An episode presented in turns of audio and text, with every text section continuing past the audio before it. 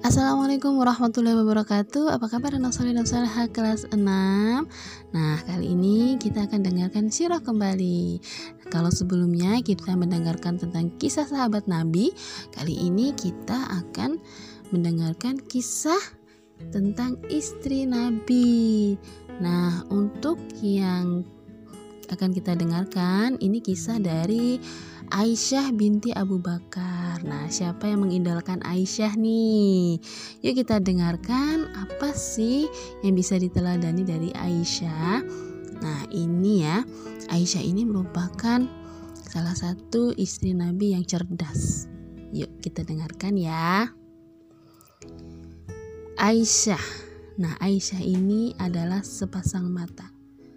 Aisyah adalah sepasang telinga.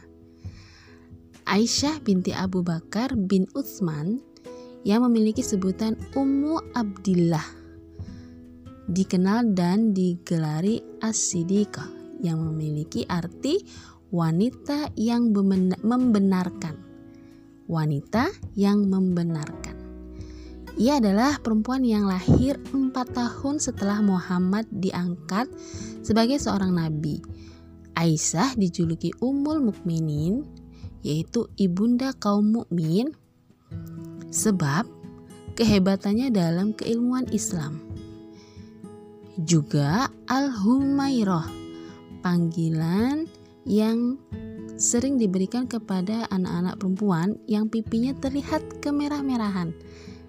Humairah ini adalah sebuah kata yang bersumber dari kata hamra yang berarti putih, merah muda, merah kemerah-merahan, warna-warna yang menghiasi kehidupan Aisyah. Aisyah kecil merupakan Aisyah yang mengenal baik ayahnya, yaitu Abu Bakar, ayah yang selalu terlihat baru baginya. Aisyah kecil adalah seorang yang mampu membaca setiap kekhawatiran ibunya. Umur Roman Umur Roman binti Amir bin Umaymir yang berharap agar sang suami segera pulang dengan selamat. Aisyah kecil adalah se seorang yang mampu membaca simpul-simpul kebahagiaan kakak perempuannya, Asma, saat menunggu ayahnya pulang sebagai hadiah. Aisyah memang berbeda dari kawan-kawannya. Ia jadikan setiap detik kesabaran menunggu kepulangan ayahnya kembali ke rumah sebagai puisi dongeng, atau bintang di hati kecilnya. Ayah adalah penyelamat kami. Bertemu dengan ayah dalam keadaan sehat adalah harapan kami. Itu adalah puisi yang selalu dikutip oleh Aisyah untuk menjawab setiap tanya kabar dari sang ayah ketika sampai di rumah. Keinginan Aisyah yang besar terhadap puisi adalah sebuah warisan dari keluarga Keluarganya menjadi tempat pertama yang membantunya tumbuh menjadi perempuan istimewa. Tak hanya laki-laki yang tahu bagaimana membaca dan menulis serta menghitung dan pengetahuan sejarah, para perempuan di keluarganya juga dididik untuk belajar membaca, menghafal, dan mengetahui adab berbicara sopan santun seperti yang diajarkan kepada laki-laki. Tak heran jika Aisyah tumbuh menjadi seseorang yang penuh rasa ingin tahu. Asma, kakak perempuannya, selalu menganggap Aisyah sebagai pertanyaan yang tak akan pernah selesai akan sejumlah rintangan yang tak mudah dilewati para perempuan. Aisyah hidup pada suatu masa ketika hak berkata dan berpendapat hanya ada pada orang-orang yang memiliki kekuasaan dan kekuatan sama halnya dengan kebebasan dan harga diri. Namun, Aisyah tak pernah merasakan kesusahan dalam menyampaikan tanya dan pendapatnya. Ia percaya bahwa selamanya ia adalah putri kata-kata. Ia jadikan sebagian besar kekuatannya dalam berkata sebagai tanda syukurnya kepada Allah Subhanahu wa taala dan sekuat tenaga memohon pertolongan kepada Allah. Ia cerdas dan mencerdaskan. Ia baik dan menyebarkan banyak kebaikan.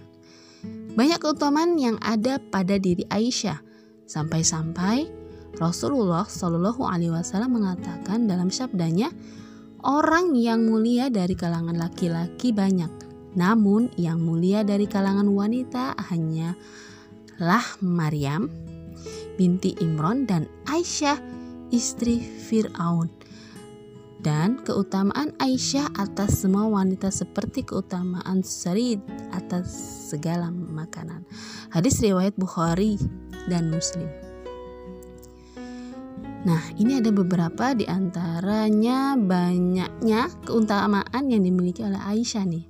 Yang pertama, Aisyah adalah orang yang paling dicintai oleh Rasulullah Shallallahu Alaihi Wasallam dari kalangan wanita. Suatu ketika Amar bin Al As ya bertanya kepada Rasulullah Shallallahu Alaihi Wasallam, wahai Rasulullah, siapakah manusia yang paling engkau cintai? Beliau menjawab, Aisyah. Dari kalangan laki-laki? Tanya Amr. Beliau menjawab, bapaknya. Hadis riwayat Bukhari dan Muslim. Yang kedua, Aisyah adalah wanita yang paling alim daripada wanita lainnya. Berkata Az-Zuhri, apabila ilmu Aisyah dikumpulkan dengan ilmu seluruh para wanita lain, maka ilmu Aisyah lebih utama. Berkata Atta, Aisyah adalah wanita yang paling fakih dan pendapat-pendapatnya adalah pendapat yang paling membawa kemaslahat, kemaslahatan untuk umum. Berkata Ibnu Abdul Bar, Aisyah adalah satu-satunya wanita di zamannya yang memiliki kelebihan dalam tiga bidang ilmu, ilmu fikih, ilmu kesehatan, dan ilmu syair. Aisyah menjadi seorang umul mukminin, ibunda kaum mukmin sebab keutamanya dalam ilmu. Aisyah sejak kecil selalu ingin tahu dan seiring berjalannya waktu ia pun menjadi perempuan pembelajar.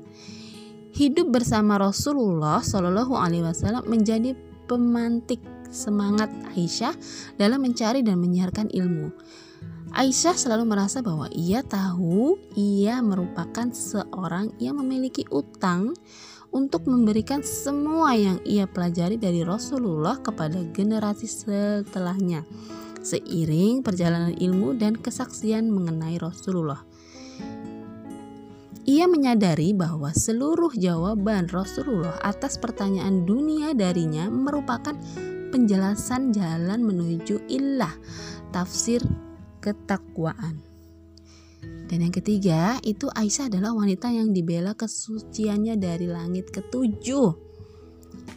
Bagaimana masa kesedihan Aisyah sebab fitrah yang datang kepadanya menjadikan ia mulia di hadapan manusia. Fitnah yang datang demi menjatuhkan Rasulullah dan menyakiti Rasulullah dengan mempertanyakan kesucian istrinya. Aisyah menghabiskan malam-malam bersama ayah dan ibunya dengan menangis dan jatuh sakit, meratap dan berdoa. Aisyah segera sadar tidak ada tempat untuk bersandar selain kepada Allah. Terbesit dalam pikirannya ibunda Maryam yang berlindung kepada yang berlindung pada kesucian. Bagaimana ia mengingat sosok Maryam sebagai contoh utama bagi semua kehormatan, kesucian, dan ketaatan kepada Allah pun tak luput dari fitnah. Ketika penduduk bumi di seluruh bagian dunia ini pun meragu pada dirinya, Aisyah pun menyadari bahwa ujian paling berat di dunia ini bagi seorang wanita adalah fitnah mengenai kesucian dan kehormatannya. Barirah, kerabat Aisyah, yang ketika ditanya Rasulullah tentang kabar yang menimpa Aisyah, ia menjawab, Aku bersumpah kepada Allah yang mengutusmu dan agama kebenaran ini.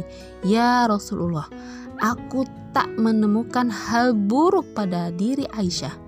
Jika ada keburukan pada dirinya, di antaranya ialah kadang dia tertidur ketika bekerja karena kelelahan Ketika dia tertidur, kambing masuk, memakan tepung, kemudian pergi melarikan diri.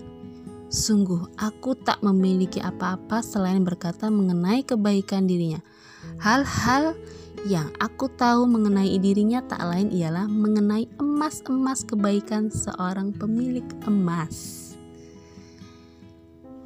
Aisyah telah menjadi jawaban sebaik-baiknya teladan bagi perempuan, ibunda yang cerdas dan penuh kesabaran. Seseorang yang memilih tinggal bersama Rasulullah meninggalkan harta dunia sebagai upaya meyakinkan diri untuk bertahan. Perempuan yang juga tak pernah dijanjikan kemudahan menjadi perempuan istimewa sebab ceritanya disucikan dalam Al-Quran.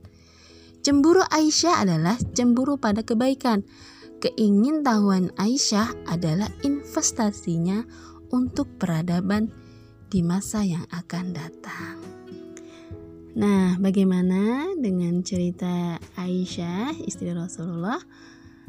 Kalian bisa tulis keteladan apa aja sih yang bisa diteladani dari Aisyah tersebut. Ada beberapa nih tadi yang kalian dengarkan. Bisa kalian tulis Lalu kalian foto dan kirim ke guru kalian masing-masing.